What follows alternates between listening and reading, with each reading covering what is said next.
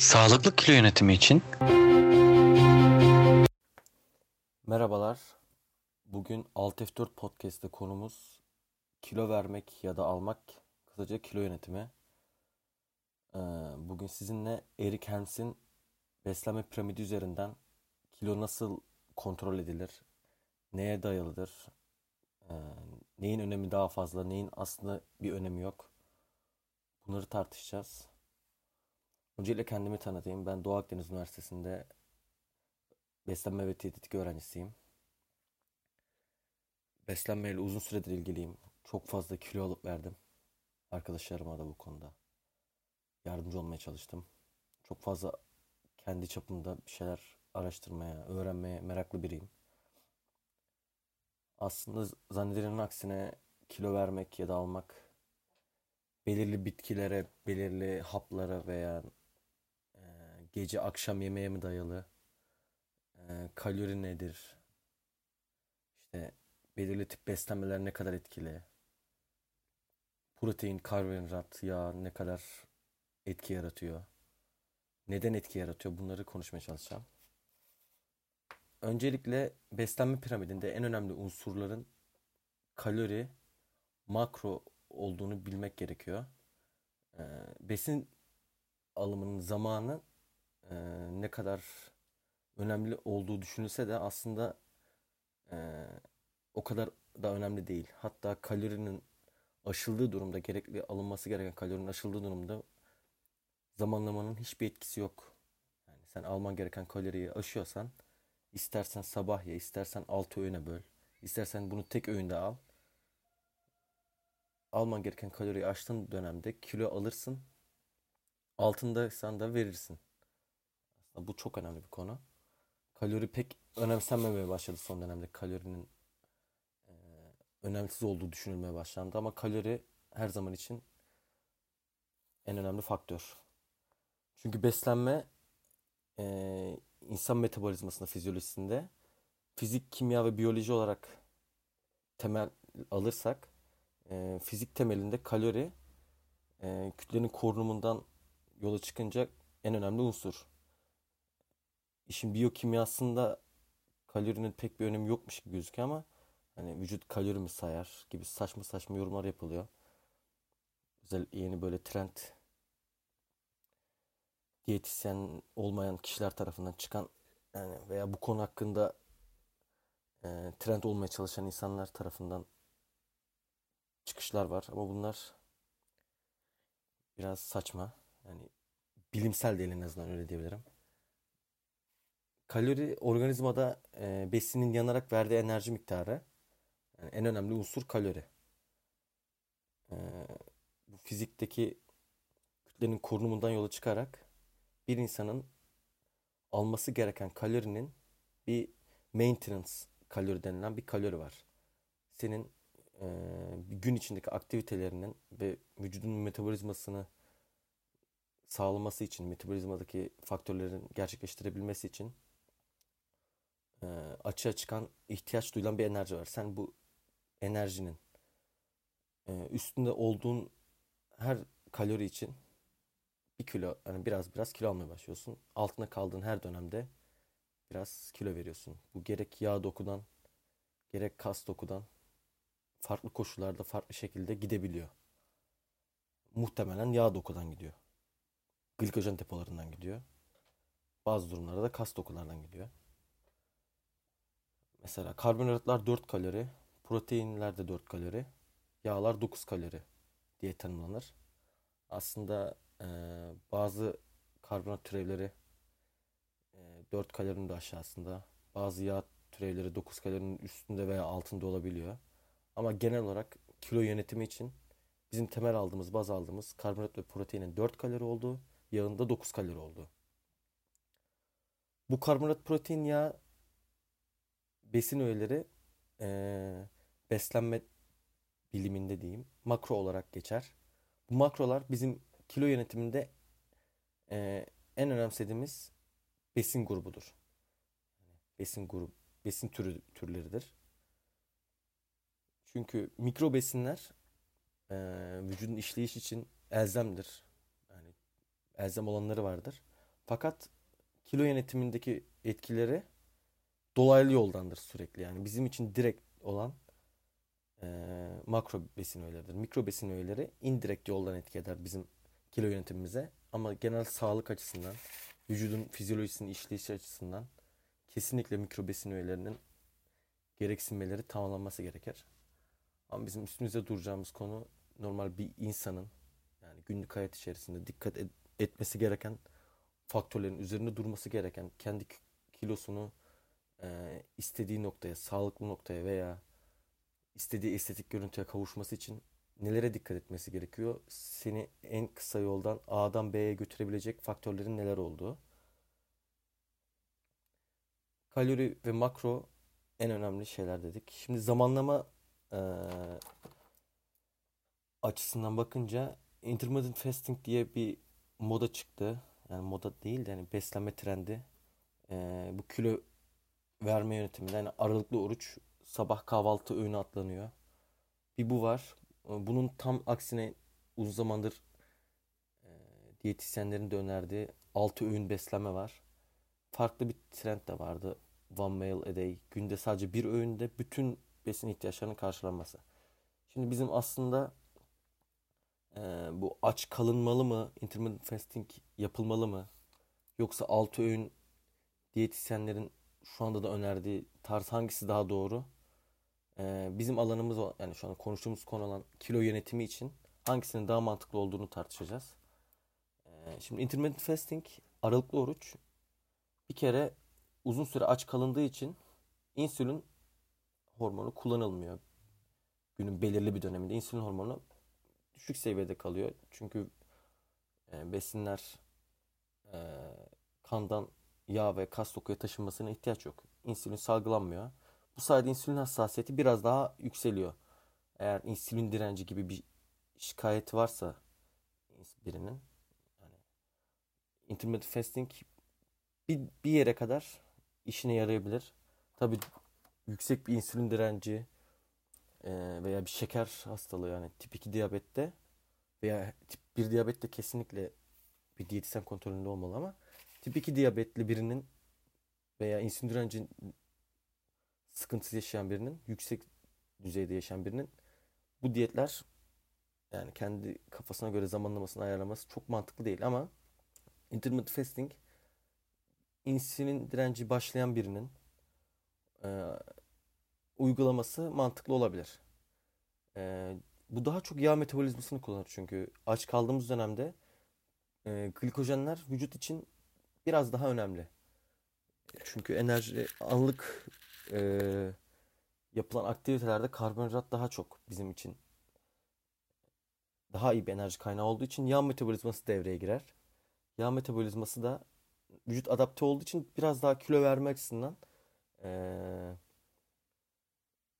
daha kolay bir e, hem iştah yönünden hem de enerji enerji düzeyi olarak yağ metabolizması kullanıldığı için kişi daha kolay bir şekilde adapte olur intermittent fasting bir süre sonra.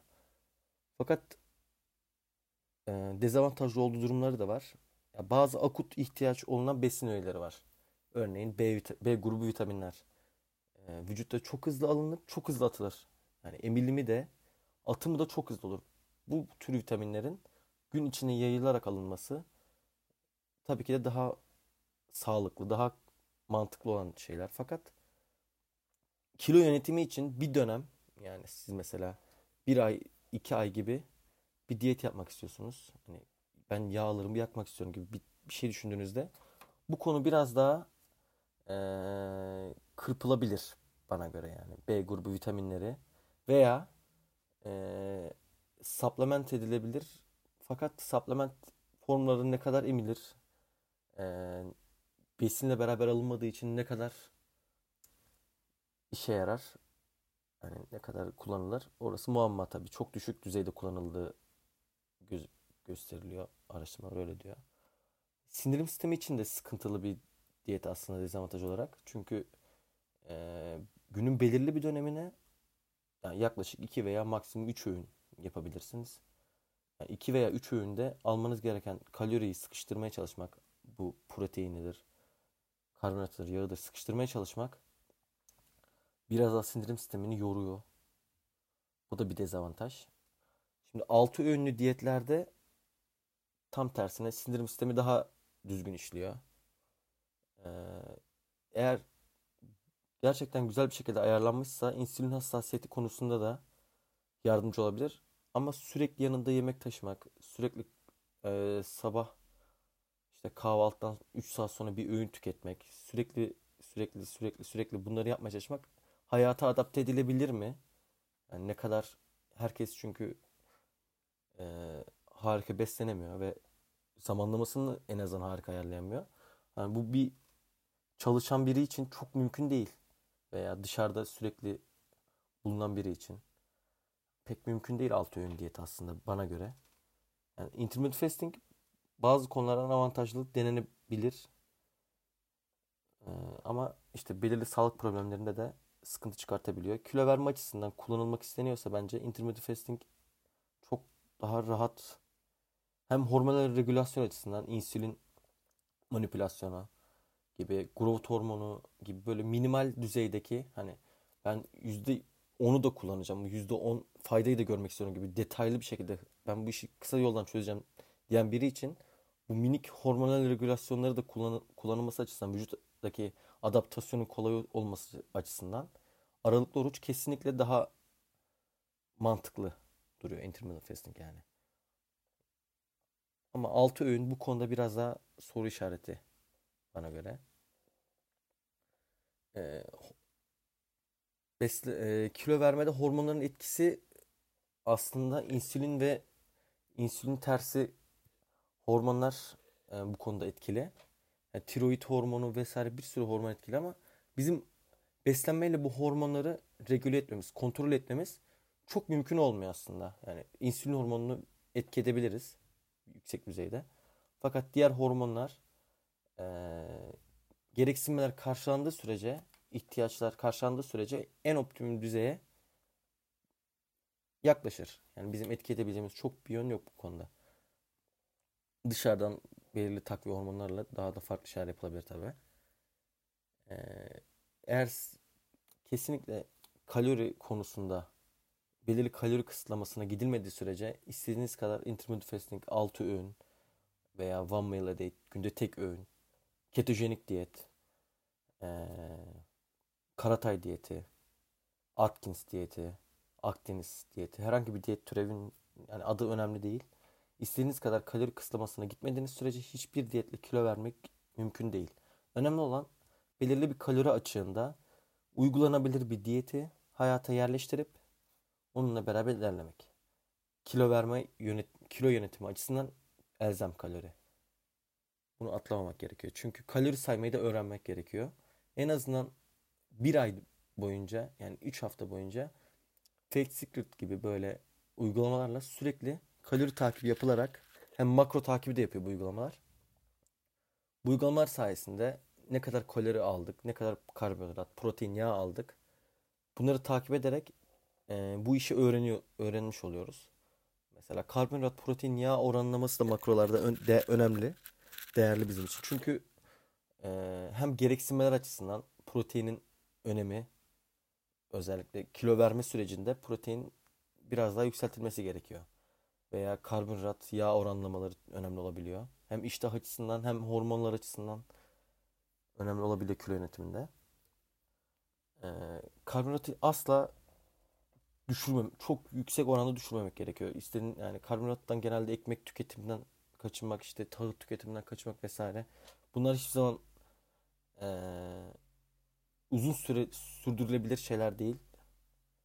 Veya sağlık açısından da kilo yönetiminden karbonhidrat bizim için değerli. Çünkü vücudun vücut içinde değerli çünkü. Karbonhidrattan uzaklaşmak çok mantıklı değil. Özellikle sportif bir faaliyet gerçekleştiren biri için karbonhidrat %60 düzeyinde kalmalı. İstediğiniz kadar kalori kısıtlamasına gidin.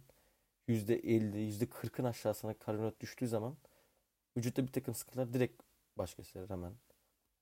Protein de ee, aynı şekilde %20, %25 oranlarında genel kalori oranında bakınca veya kütle başına e, en az 1 gram kilo yönetiminde bu biraz daha arttırılabilir kilo verme isteyen biri için, kilo almak isteyen biri için de biraz daha düşük tutulabilir. Çünkü proteinin değerlendirilmesi e, farklılık gösterebiliyor insan. E, kalori yükselttiği zaman, alması gereken kaloriyi arttırdığı zaman protein daha çok kas toku ve vücut proteini olarak değerlendirilmesi daha kolay oluyor. Fakat kalori kısıtlamasına giden biri proteinini vücuttaki çok önemli bir e, besin öğesi olan karbonata dönüştürebiliyor karaciğerde. E, bu bu dönüşüm yüzünden e, vücut proteini eksikliği çekilebilir. O yüzden protein arttırılması biraz daha bizim e, vücut proteinini kullanmamamız açısından önemli olabilir. Yağ konusunda kilo vermek isteyen biri e, yağı düşürmeli bence. Yani yağ bizim için e, kilo verme döneminde biraz bizim işimizi baltalıyor. Hem do, kilo e, kilo 9 kilo kalori olduğu için 1 gram başına bu çok yüksek bir değer. Hem de tüketimi çok kolay olduğu için mesela bir, cev, bir avuç ceviz yemekle bir avuç pirinç tüketmek açısından mesela cevizin kalorisi çok yüksek olabiliyor pirince göre. Pirinç hem karbonhidrat e, bizim günlük enerjimizi karşıladığı için bizim için daha değerli. Özellikle spor yapan biri için bu kesinlikle e, eğer çok sert bir diyet sürecinde yağı sıfırlara kadar bile çekilebilir. Kıs, çok kısa süreli bir diyet için bahsediyorum bunu.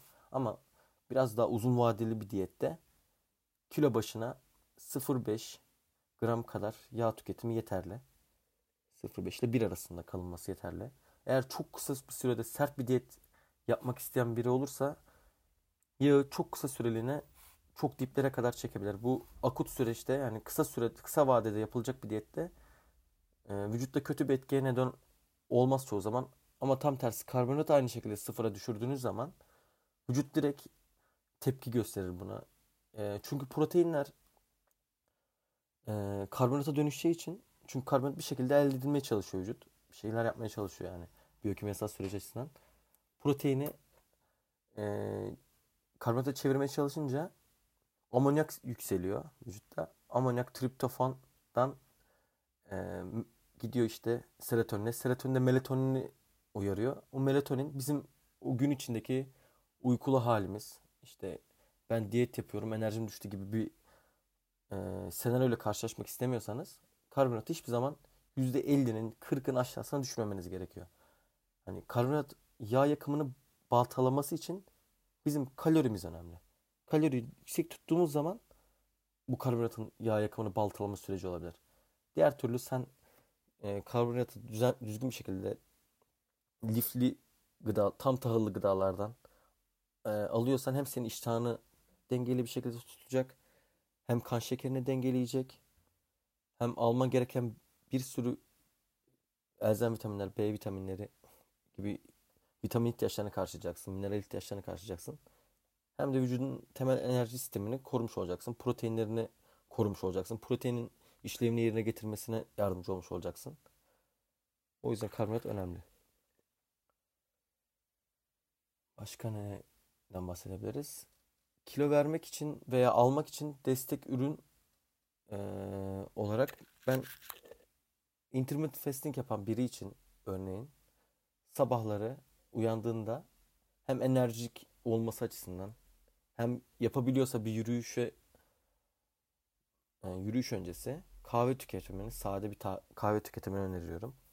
Yani bu çok işe yarıyor açıkçası.